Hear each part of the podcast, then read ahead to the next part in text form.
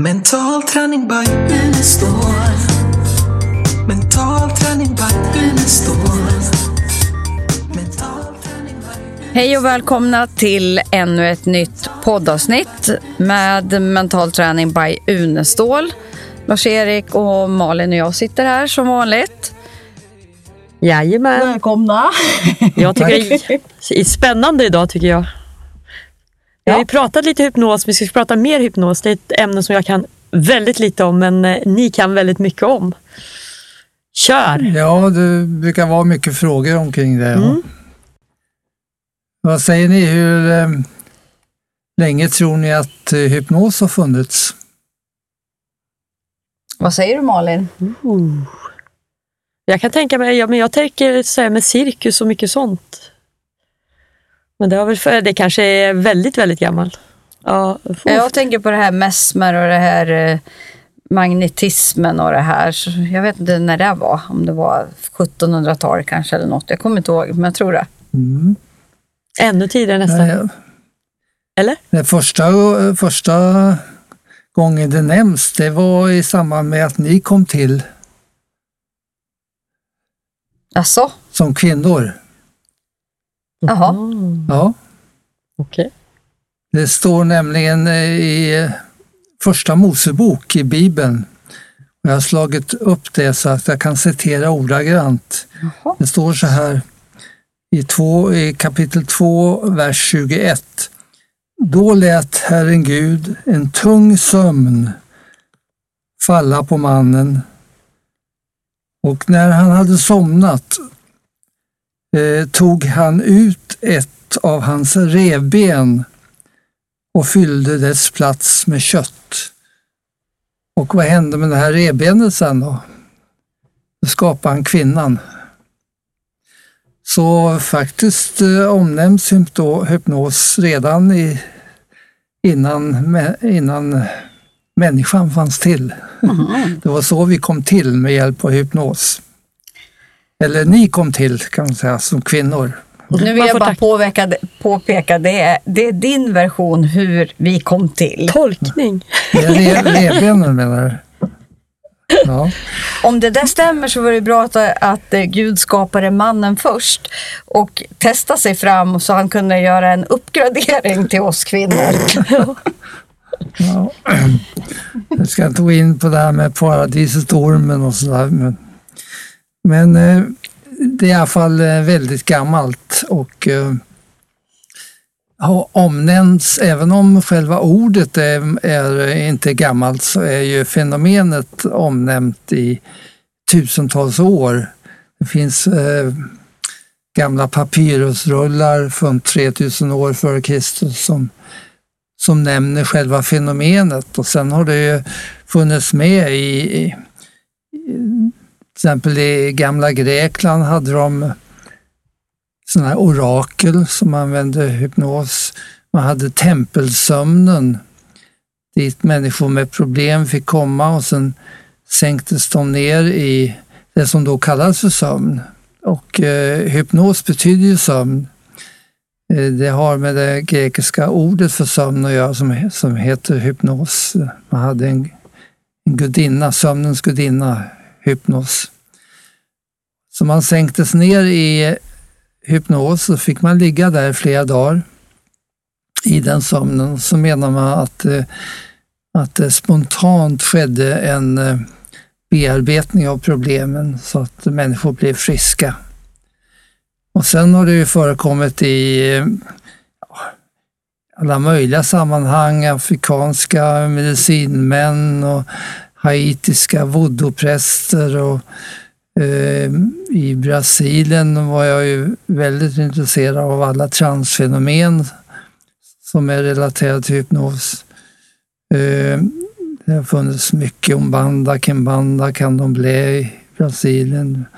Man har haft eh, sådana här eh, eh, mystiker, persiska mystiker och, och så vidare. Så att, Även såna här, när man gick såna här långa vandringar så var det ju en del som hade förmågan att kunna eh, försätta kroppen i ett slags transtillstånd så man inte behövde så mycket mat under de här långa vandringarna och sånt där. Som Ja. pilgrimsvandringar eller? Typ. Ja, precis. Mm. Och eh, man har ju frambringat hypnotiska tillstånd då, dels genom sådana här vandringar som du säger, eller genom att späka kroppen, genom eh, fasta, genom bön och så vidare. Så att eh, man kan säga att också det tillstånd som uppkommer genom bön är ett slags hypnotiskt tillstånd. Så själva fenomenet har funnits med hur länge som helst. Men eh, eh sen blev det ju först populärt med, med Mesmer då i, i Paris genom att Fast han kallar det inte för hypnos, utan han kallar Nej. det för animal ma- magnetism. Det som är intressant med honom, han hade ju stor framgång, det var ju att den kommission som sattes till med Benjamin Franklin för att se vad är det han håller på med, hur kan han få så bra effekter? De kom fram till att det var bara imagination. Och då översatte de det med inbildning, vilket gjorde att han blev jagad från, han var österrikare men bodde i Paris. Han fick lämna Paris och eh, förvisades tillbaka till Österrike. Vilket var synd istället för att man funderade på Imagination kan ju Ja. också betyda föreställning. Ställning. Hur kan människors föreställninningar få sådana effekter? Tittar man nu på neuroforskningen med Bruce Lipton och Joe Dispenza och jag köpte två nya böcker som kom här i veckan. Greg Brandon och så just det här med föreställningar är ju liksom det som är hela grejen. Och det är ju det vi håller, det är det vi håller på med i mental träning. Ja, precis. Och en av eh, faktiskt eh, Mesmers efterföljare i, i Paris, Abbe Faria, han gjorde såna sessioner, men utan de här mystiska mm, magnetiska grejerna som Mesmer hade, med tusentals människor och fick väldigt bra effekter. Men han förklarade då genom att det var människors föreställningar. Ja. Så att, och då möttes det, möttes det inget motstånd. När ligger det här i tid? Eh, Abbe Farah var i början av 1800-talet. Mesmer var i slutet av 1700-talet. Oj. Men sen eh, dröjde det ju faktiskt eh, ytterligare en 50 år innan en, en eh, neurolog i England eh, som eh, hade bra rykte eh, gjorde eh, hypnosen ja, acceptabel och eh, gav också det namnet då, hypnos. Han slogs av likheten mellan sömn och hypnos, vilket ju inte finns några likheter direkt idag, mer än att de är alternativa medvetandestånd. Men sen var det nog egentligen genom eh, att man började använda det för, eh, för smärta som hypnosen blev populär man hade en demonstration för eh, Franska akademin där en Jacques, eh, vad heter han, Clogot eller vad han heter, gjorde en bröstoperation bara med hypnos inför den franska akademin. Och det blev ju väldigt imponerade. Så att, eh, och Estale i Indien sen visade att med när han använde eh, med hypnos i samband med stora operationer så kunde han minska dödligheten från 50% till 5 så att eh, det var mycket genom eh, effekten på smärta som den fick stor betydelse. Sen kom ju anestetika och, eh, och andra medel att, i samband med, med till exempel operationer som gjorde att man kanske inte använde hypnos så ofta. Men det här med smärta har ju du, Elene, prövat på och där kan man ju fråga sig om man går in på fenomen. Eh, vad är det som gör då att eh, eh hypnosen har effekten på smärta? Och det var ju faktiskt eh, också i samband med, innan jag frågar dig, ska jag säga att eh, när jag kom till Uppsala då och eh, började jobba med, med hypnos, eller började forska på hypnos, då fanns egentligen inte hypnos i Sverige. Och i världen så, så var det egentligen först några år tidigare som det blev eh, fullt ut accepterat. Då hade det brittiska medicinska sällskapet eh, tagit med hypnos i sin eh, handling och amerikansk och det var bara några år innan, jag tror att det var 70, 56 någonting och 58, alltså två år innan han kom till Uppsala, så, så, tog amerikanska medicinska sällskapet med hypnos i sin läkarutbildning. Den blev obligatorisk då i USA. Men det var ja. alltså väldigt nytt och när jag kom till Uppsala så hade vi fått dit en, en engelsk läkare som heter Basil Finer. Och han eh, tog med sig hypnos då från England där det var helt nytt också och eh, startade med på Samaritahemmet där han var narkosläkare med att använda hypnos. Och genom att jag då hade kommit dit och börjat forska så blev det naturligt med samarbete och det, de första studierna vi gjorde då, eh, de gällde just eh, smärta. På den här smärtkliniken på Samaritahemmet så lät vi så använder vi hypnos för att eh, ta bort smärtan. Väldigt bra effekter.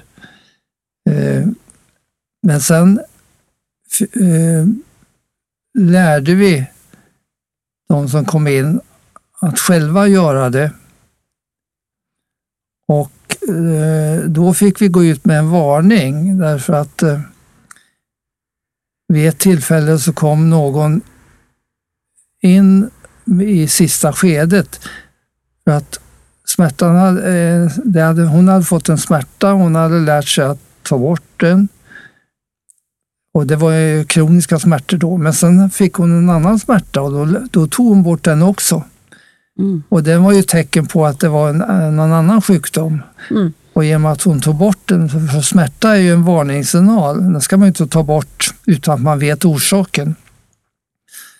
Eh, genom att hon tog bort så märkte hon ju inte den här eh, sjukdomen. Som tur var kom hon in i sista skedet så hon klarade sig, men då fick vi gå ut med en varning att se till att ni inte använder hypnos för att ta bort smärtor om ni inte vet vad den beror på.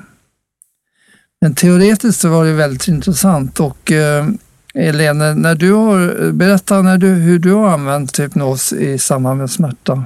Alltså det är ju faktiskt du som har eh, tränat upp mig från första början såklart. Alltså du, du, du hade ju mig lite som en sån här liten guinea pig från början. så, så dels hypnotiserade ju du mig från början så jag visste hur tillståndet var. Sen, sen började jag använda det här tillståndet själv som självhypnos. Mm. Eh, så jag kunde ju jag kommer ihåg att du liksom hade såna här långa nålar och körde in i armar och händerna på mig och sånt där på mm. fredagskvällar. Nej, men, Ta, eh, tacos och nålar. ja, men, eh, för då testade vi det. Vi var ju även på någon sån här eh, resa i Indien. Då gjorde vi demonstrationer med det och jag kände ju ingenting. Mm. Eh, så att det här har ju varit, jag har ju lärt mig det här gradvis som jag upplever det själv i alla fall. Sen har jag ju... Det har ju blivit så att jag har ju jobbat väldigt mycket för att kunna använda det här var som helst, när som helst och på vilket sätt som helst. Så dels har jag använt det när Angela föddes, vilket var en jädra skillnad mot eh, till exempel de andra tre som jag också har fött. Så det kändes ju ingenting med Angela, som jag använde hypnos då snabbt och effektivt. Eh, och jag hade ju redan programmerat mig hur jag skulle må efteråt och vad jag skulle väga tre månader efteråt hon var född. Och det prickade jag ju in punkt och pricka. Så jag hade ju min normala vikt tillbaks direkt efter, exakt efter tre månader.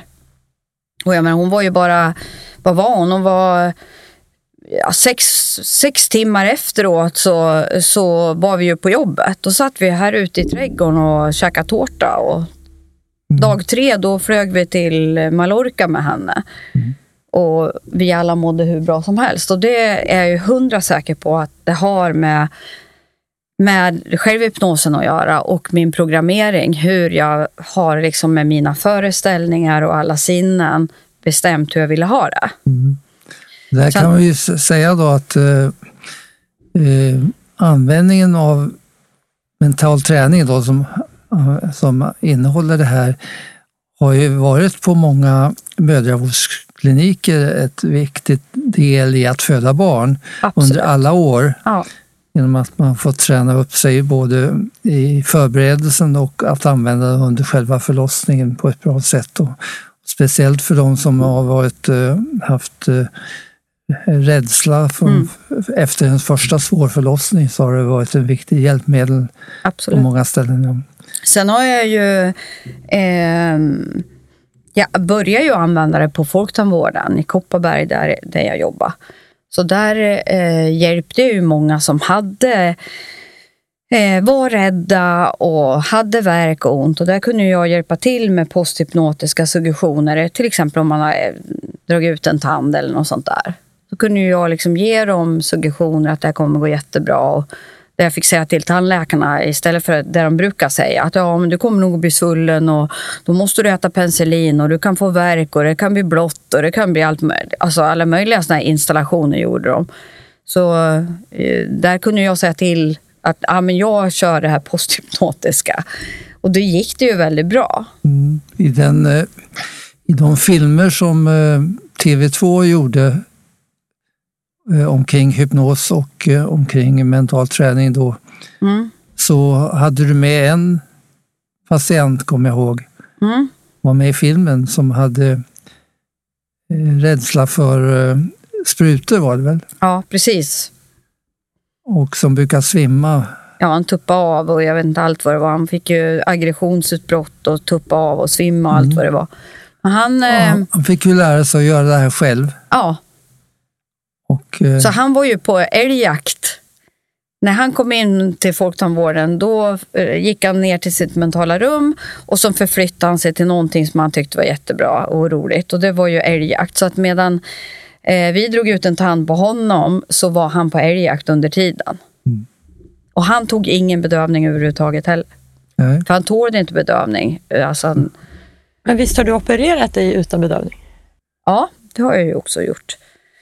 Eh, och det är ju mycket utifrån att vi har ju varit på så många såna här hypnoskongresser, världskongresser och varit, jag har ju varit på massa såna här workshops. Och, och där blev jag inspirerad av eh, Kate Thompson, tror jag hon hette, tandläkare, som eh, berättade om hur hon hyvlade bort eh, huden, för hon hade kraftig akne, och jättemycket sår. Så att hon, hon var med om en operation där man, man får, jag fick se den, vi fick se filmen, där hon liksom ligger vaken och bara hyvlar av hela huden i ansiktet på henne och, gör, och hon känner ingenting. Och då tänkte jag så här att det där ska jag också klara av någon gång när det behövs. Så då blev det ju, jag hade ju ett, eh, ja, ett ärr på magen efter en kejsarsnitt då. Så där gjorde jag helt vaken. Jag skulle egentligen ha sovit över och jag skulle ha blivit nersövd och alltihopa. Och sen sov jag en natt. Men jag var ju vaken och körde hypnos, pratade med kirurgen och eh, hade ingen som helst bedövning. Så nu hoppade jag bara ner från bordet och sprang till tåget och åkte hem till Kopparberg. Fanns det inga tvivel innan? Jag måste fråga. Nej. Nej, Nej, det fanns inte. det fanns inte. Och jag tror, min föreställning är att kommer det ett tvivel så kommer du inte att klara av det. Du måste liksom vara, måste vara 100% övertygad, säker att man klarar det här. Och det har lite med vad hypnos är som vi kan komma in på sen.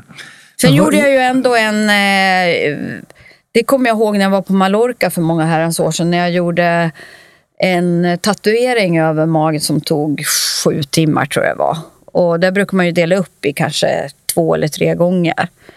Men jag, bara, jag gick ju bara ner i hypnos och sen kunde jag göra klart hela, hela den här. Han bara, så det här är jag aldrig varit med om något liknande. Så att det, det finns så många områden som man kan använda hypnosen till. Ja, det är ju också, när vi är inne på smärtan så är det ju ett område som, när det gäller kronisk smärta, som eh, det har funnits väldigt få effektiva andra medicinska behandlingar. Eh, och det har ju gjort att eh, ner på eh, sjukhuset i Helsingborg framför allt så har ju Hasse Olsson som är mental tränare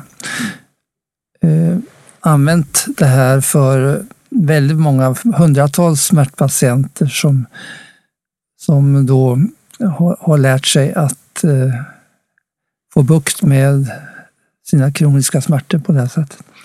Visst har du en kompis, vad heter han från Norge, som har jobbat mycket med fantomsmärtor? Alltså när man har fått... Från Finland. Ja, från Finland kanske han är. Mm. Vad heter han nu då? Ja, det är så, Vi träffade han förut. Det var så länge sedan, men uh, i alla fall uh, så... Ja, fantomsmärtor är ju besvärliga eftersom uh, det är ju en smärta i någonting som inte finns rent reellt. Om man förlorar en arm så kan man ha smärtor i armen trots att man inte har någon arm mm. kvar. Mm. Eh, och det har varit väldigt svårt att komma åt de smärtorna. Men där har hypnos visat sig, Cederkreuz heter han från Finland, eh, som började med, med det och som vi, vi använt sedan i mm. olika sammanhang.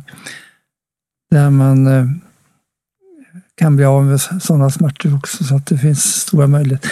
Men det här med eh, smärta är ju bara ett område för hypnosen, men man kan ju fundera ändå på vad det är som sker eftersom det kan vara så dramatiska förändringar som sker i samband med hypnos. Och det var en, en av de första sakerna för mig att försöka ta reda på vad är det då som gör att Eh, Eh, en suggestion eller en instruktion under hypnos har en helt annan effekt än om man ger samma instruktion utan det tillståndet. Eh, och hypnos betraktades ju då som ett eh, alternativt medvetande eller ett förändrat medvetandetillstånd, FMT. Men jag upplevde att om man har den definitionen som fanns på engelska då med, med altered, altered state of consciousness, eh, då blir det ju frågan vad, vad är då alternativet till FMT? Ja, det är ju det, det normala medvetandetillståndet. Och, och ser man det på det sättet, då kommer man nästan för jaha, så hypnos är då ett onormalt tillstånd. Så då ändrar jag, ändrar jag översättningen av alter states of consciousness till alternative states of consciousness. Och då blev det på svenska, istället för förändrat medvetandestånd så blev det ett alternativt medvetandestånd. Alternativ från vad? Jo, från det dominanta medvetandeståndet. Det som vi har dominant i vår vakenhet. Sen är ju sömn och dröm, det är ju andra alternativ då till det vakna normala medvetandeståndet. Och då blev plötsligt hypnosen inte något patologiskt eller onormalt, utan det blev ett fullt normalt tillstånd, precis som sömn och dröm, mm. som man kan gå in i ibland för att ha nytta av det, precis som vi har av sömn och drömmen. Och det finns eh, stora likheter där, till exempel med, med drömmen, för att i drömmen kan man ju också uppleva att eh, det som händer är verklighet. Menar, man kan bli rädd under en dröm därför att man vet inte att det är en dröm. Just då är det, verkligheten. Och på samma sätt under eh, hypnos. Skillnaden är ju att man under hypnos kan bestämma vad det är man ska vad det är för verklighet man ska skapa medan i drömmen så tvingas man hänga med även om man skulle vilja lämna. Eh, så det ger ju en väldigt stor möjlighet då att eh, skapa den verklighet som vi vill i livet. Och där, eh, när jag startade då fanns det ju väldigt många teorier om hypnos. Eh, och en av de populära teorierna det var ju att hypnos var ett rollspel. Man gick in och spelade en roll. Eh, och därför så var det så viktigt att visa för mig att det var inte fråga om rollspel utan det var en, en verklig förändring. Så många av de experiment jag gjorde i början var ju att visa att eh, man inte kan åstadkomma saker genom ett rollspel. Jag bad till exempel eh, människor att försök nu att spela rollen att du inte ser några färger längre. Vad då?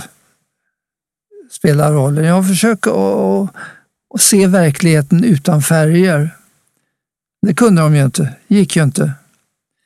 Men när jag gjorde det under hypnos så försvann färgseendet. Så att man upplevde verkligheten utan färger. Eh, så jag gjorde flera sådana experiment för att visa att det här är inte någonting man kan spela, utan det här är någonting, en verklig förändring. Samma sak som regression.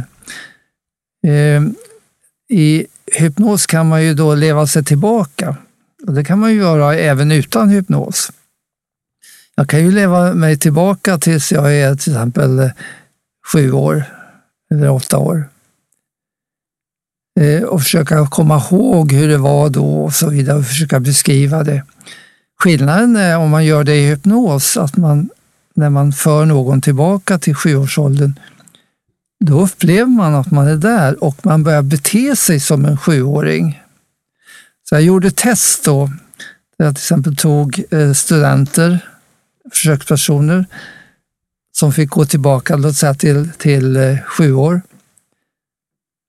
Och sen testar jag dem med, med test om hur en sjuåring fungerar, till exempel med eh, ordföljd och eh, ordlängd eller meningslängd. Och, ja, det fanns många test då för, och kunde se att de fungerade som en sjuåring. De spelade inte det, utan de var som en sjuåring. Eh, jag gjorde, I samband med ett sådant försök så Eh, gick tillbaka till, med någon till åtta år och sen började jag med att fråga hur gammal är du? Och då säger hon någonting på som jag inte förstår. Jag upprepar det igen, hur gammal är du? Och hon säger återigen någonting som jag inte förstår. Tredje gången jag frågar, då sträcker hon upp åtta fingrar i luften som tecken på att hon är åtta år gammal. Men vad hon sa, det var åtta på finska. Varför det? Jo, när hon eh, var åtta år så pratade hon inte svenska utan bara finska. Så hon kunde alltså inte svara på svenska. Men hon förstod ju frågan.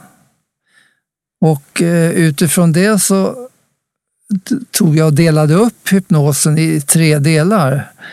Det ena är en slags Eh, Eh, observerande del som har kontakten kvar med nuet.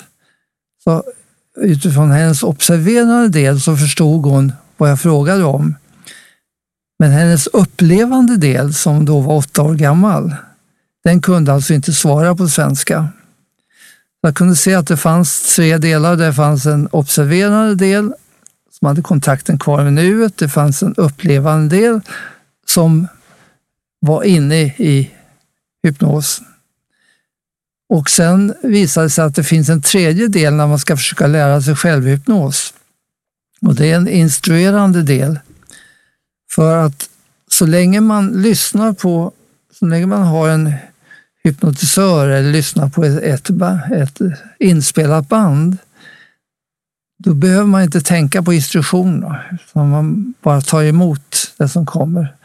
Men när man ska försöka själv, ja, då måste man eh, instruera sig också. Den, den, den eh, delen den står i motsats till upplevande delen. Så det gör att, att det kan vara svårt för många att lära sig det hela självt. Så därför fortsätter många mm. att använda de här inspelade programmen livet igenom. Mm.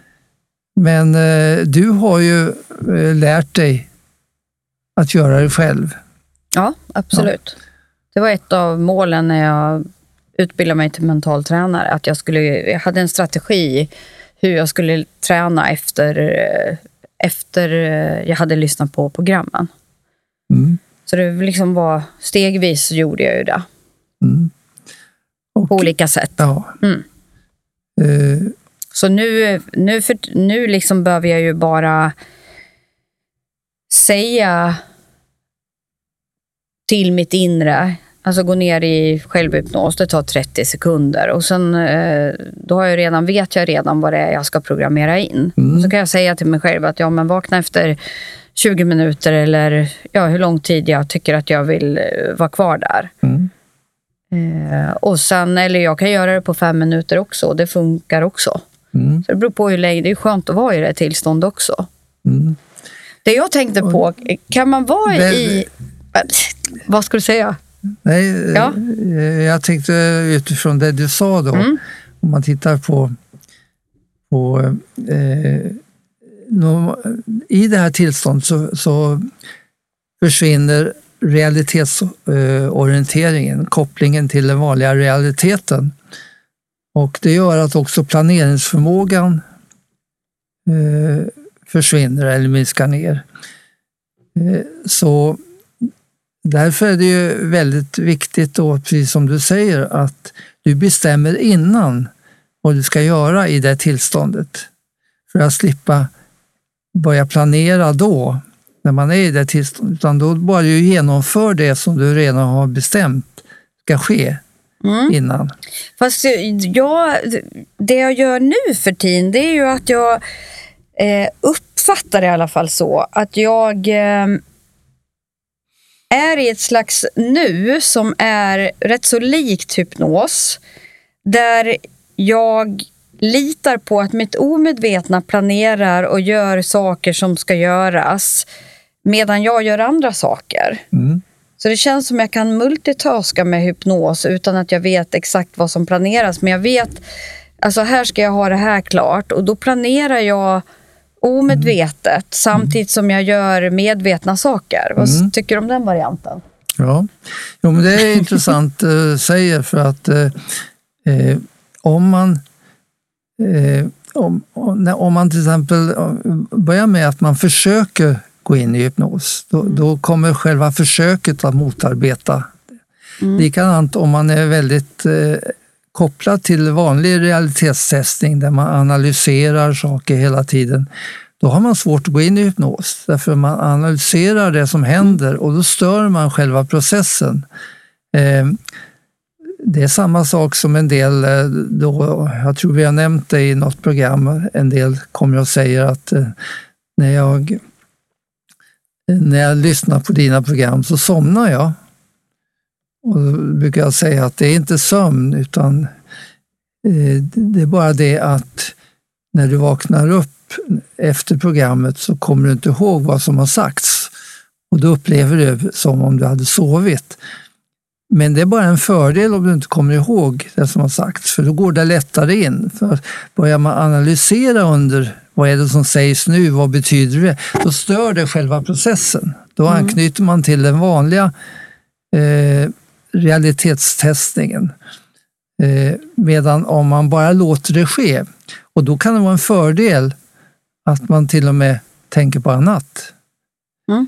Eh, För, för när det gäller att gå in i hypnos då, så brukar ju du använda eh, för de som har, är för mycket analytiska, så brukar vi använda eh, eh, Omedveten närvaro, Ja, Milton-modellen. Ja, eh, det kallas för...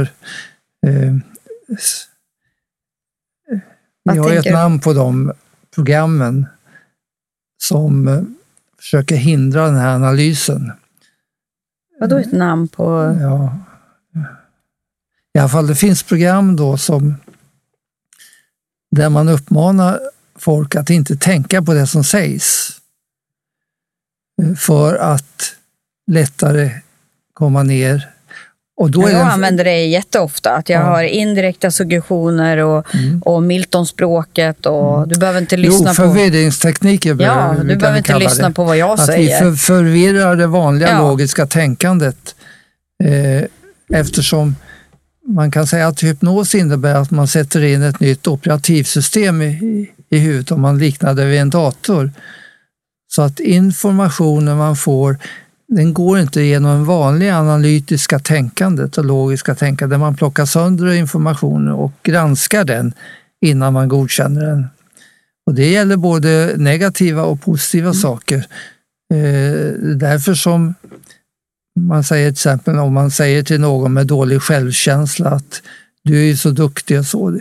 Ja, det vill jag ju ha den informationen, men man tar inte emot den Nej. därför att den, den granskas av det här logiska tänkandet. Så kan det ju inte vara. Sen för, sen- medan man i Mm. hypnosen tar emot det utan att gå vägen över det vanliga logiska tänkandet. Men är det inte så att hjärnan jobbar mer holistiskt när du är i hypnotiska Jo. tillstånd och då går informationen liksom på ett helt, den, den granskas på ett helt annat sätt? Ja, jag har ju funnit eh, att eh, när man är i det tillståndet så fungerar, man mäter EEG så får man samma EEG-tillstånd i alla fyra kvadranterna. Vilket eh, tyder då på att hjärnan går över och jobbar som- en helhet och det är väl därför som bilder har så stor effekt i hypnos och i mental träning. Eftersom nu när- bilden också är ett, ett, ett eh, holistiskt koncept. Får jag bara säga, när du säger bilder, visst menar du då alla våra sinnen? Ja, För att när vi, oftast när vi säger bilder så förknippas det av många att man bara måste se bilder. Men Mm. egentligen bilder, det är liksom all, alla våra sinnen. absolut. Ja, så vi kommer Det ihåg för, det. eh, men det är egentligen fråga om föreställningar, men eh, ordet föreställning var så besvärligt när jag översatte då det här självbilder och eh, self-image och goal images till svenska så skulle det egentligen stå självföreställningar och målföreställningar, men det var så eh, det var så jobbigt så att istället översatte jag med självbilder och målbilder. Som är nu. Men det är viktigt att påpeka det du säger då, att det är inte bara fråga om synen, det är fråga om Nej. en helhet. Den helhet. Precis Och ju en- mer en man får bild med. Mm. helheten av våra sinnen, dess bättre är det. Och där kommer vi in om man tänker på eh, Stanford eh, testen som man gör. För där är det ju mest bilder. Mm, Visst är det? ja. Och där, där finns det ju forskning som visar att det är vissa personer som då inte kan bli hypnotiserade. Och jag tror att det har att göra med det, för man liksom får inte med variation på känslor och tankar och eh, hörsel till exempel. Mm. Som kanske har det som en preferens. Och då skulle... Så jag, jag tror ju faktiskt att alla kan bli hypnotiserade. ja, det var ju en av de första sakerna som var viktiga att titta på på, på eh, 60-talet. Den här vanliga uppfattningen då som fanns i alla böcker om att eh, vissa kunde gå ner i djup hypnos, vissa i medeldjup, vissa i lätt hypnos och vissa kunde inte gå ner alls i hypnos. Och så är det när man eh, testar dem första gången. Då är det en stor skillnad. Men jag kunde ju visa att man med träning kunde träna upp Mm. mottagligheten för hypnos. Ja. Och eh, det blev ju väldigt viktigt för att kunna sprida det här med självhypnos och eh, användning av hypnos. Mm. Men där är det ju eh, viktigt att eh, säga eh, redan nu att eh, vi ska ju kanske komma in så småningom på det vi kallar för utvecklingshypnos. Men bakgrunden till det har ju att göra med att hypnos har varit väldigt skyddat av eh, flera skäl, det vill säga eh, det har funnits experimentell hypnos förstås. Vid universiteten man tittar på vad hypnos är och mottagligheten och så vidare. Och sen har det funnits klinisk hypnos, det var de två, där man använder hypnos för kliniska syften. Och där har ju regeln varit, så var det också när eh, regeln har varit ända från början att klinisk hypnos får bara användas av de som är kliniskt utbildade. Så att eh, när jag startade Svensk hypnosförening 1965 då eh, var det bara tre grupper som fick vara med. Och det var läkare, psykologer och tandläkare. Sen tog vi in också B-medlemmar och det var de som jobbade med en läkare, en, en psykolog eller en tandläkare. Men där det var tandläkaren som då hade ansvaret. Ehm, Det, det, var, ju lite, konstigt för Ja. att hos dig, eh, Ja. när du hade lärt dig det här så var ju den enda på kliniken som kunde hypnos. Precis. Ändå var det din tandläkare som, som var, Var ansvarig. ansvarig för, för dig. Som inte hade en aning om vad jag pysslade med. nej, precis. Men i vissa länder var det faktiskt så att det, var inte det fanns inga bedmedlemmar och i Norge fick inte tandläkarna vara med. Eh, utan de kom över till oss och gick utbildning. Och i eh, England fick från början inte psykologerna vara med heller. De fick starta ett eget förbund så småningom. Så det var väldigt begränsat då vilka de skulle använda. Och så är det fortfarande idag.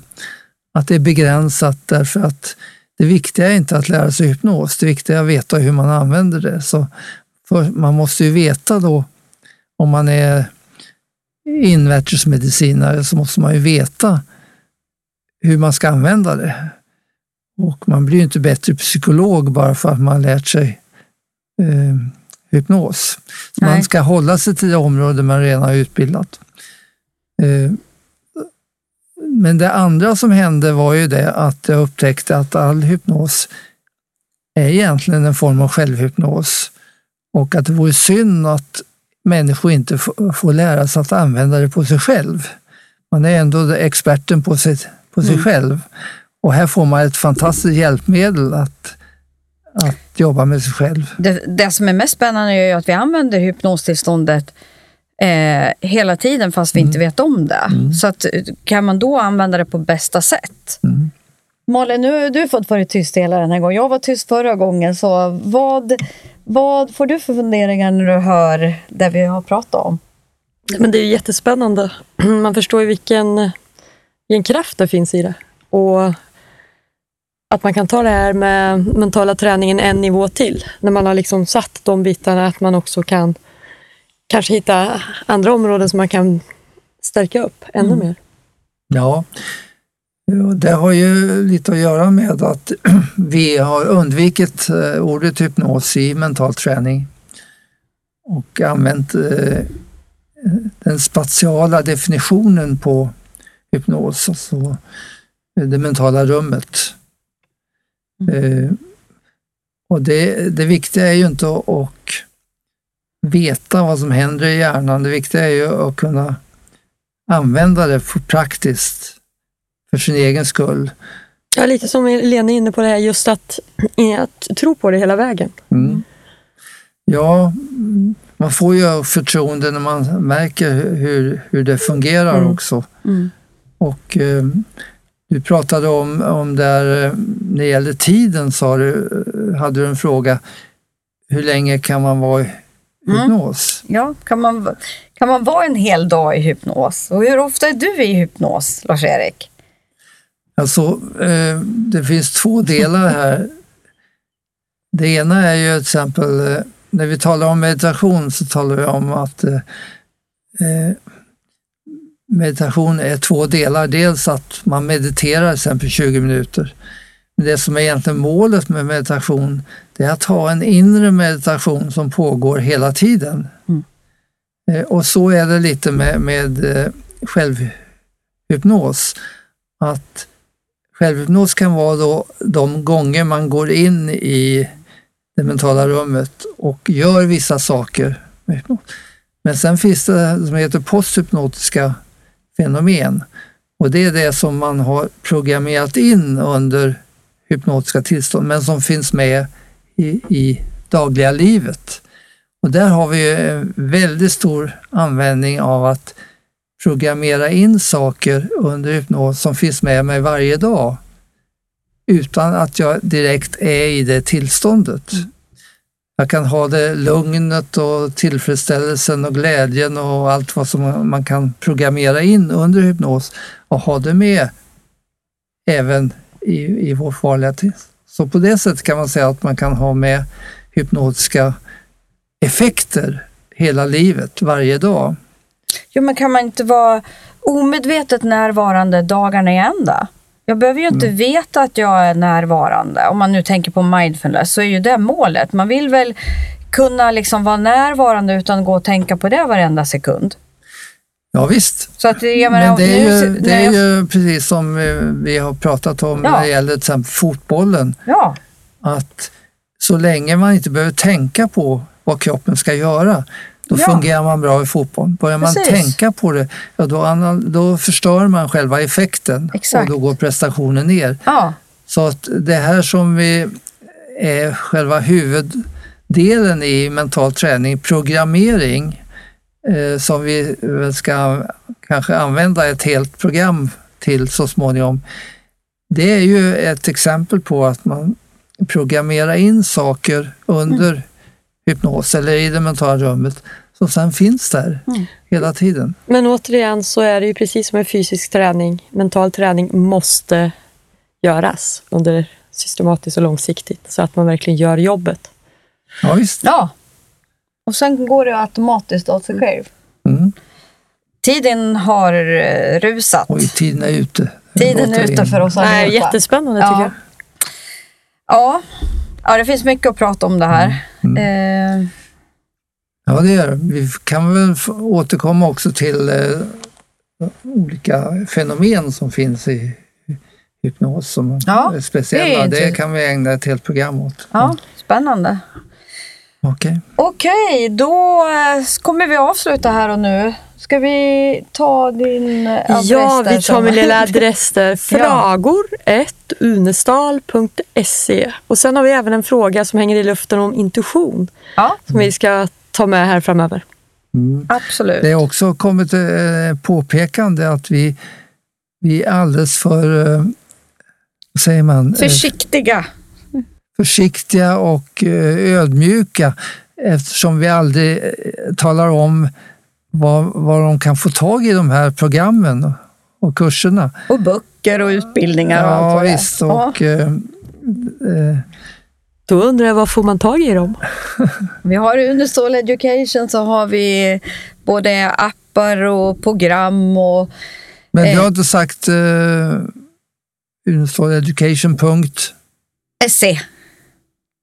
Uneståleducation.se. Det är våran, Unestall va? ja, Ja, du måste tala om precis. Tidigare, men fortfarande går slh.nu, går också dit. Det, Ja, än så länge det kan vara det. lättare, men Ja, unestaleducation.se. Alla vägar bär till eh, mental träning. Mm.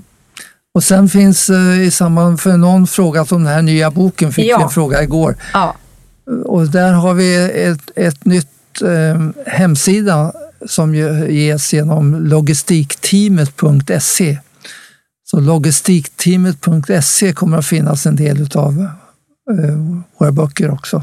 och speciellt den här nya boken som du har precis tryckt upp Om hjärnan, ja. om hjär- hjärnan. Coacha din hjärna Coacha hjärnan. Ja. heter den. Så Den ni som vill alltså ha den. på logistikteamet.se Ja. Och en sak till, ni utbildar ju inom hypnos, eller hur? ja, det gör vi. Ja, och det får vi återkomma till. Och. Utvecklingspsykos, ja. ja. ja. Mm. Ha det så bra! Mm. Hej då! Hej då!